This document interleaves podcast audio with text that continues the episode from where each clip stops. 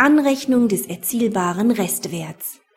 Der Geschädigte darf sein beschädigtes Fahrzeug in der Regel zu dem vom Gutachter ermittelten Restwert veräußern.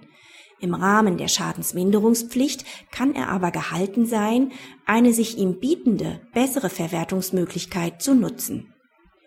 Der vom Kläger beauftragte Gutachter ermittelte einen Restwert von 800 Euro.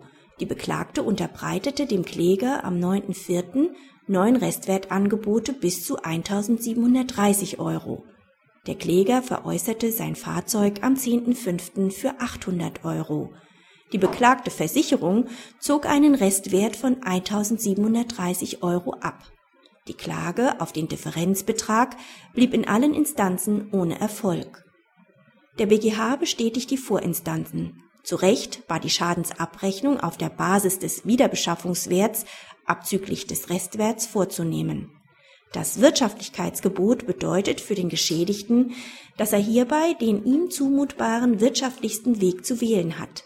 Dies gilt auch für die Frage, welcher Restwert zu berücksichtigen ist.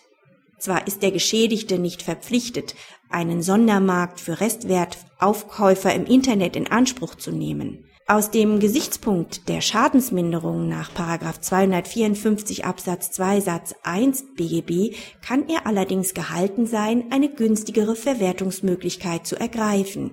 Diese war dem Kläger durch das bindende Restwertangebot für 1730 Euro an die Hand gegeben worden.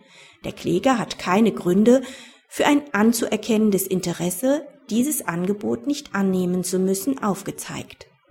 Praxishinweis.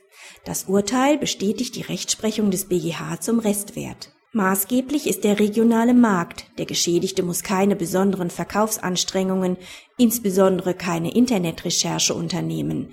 Ein ihm rechtzeitig vor der Veräußerung zugegangenes höheres Angebot, das für ihn risikolos und ohne Mühen verbunden ist, muss er sich im Rahmen des Schadensminderungsgebots nach 254 Absatz 2 BGB bei der Abrechnung entgegenhalten lassen.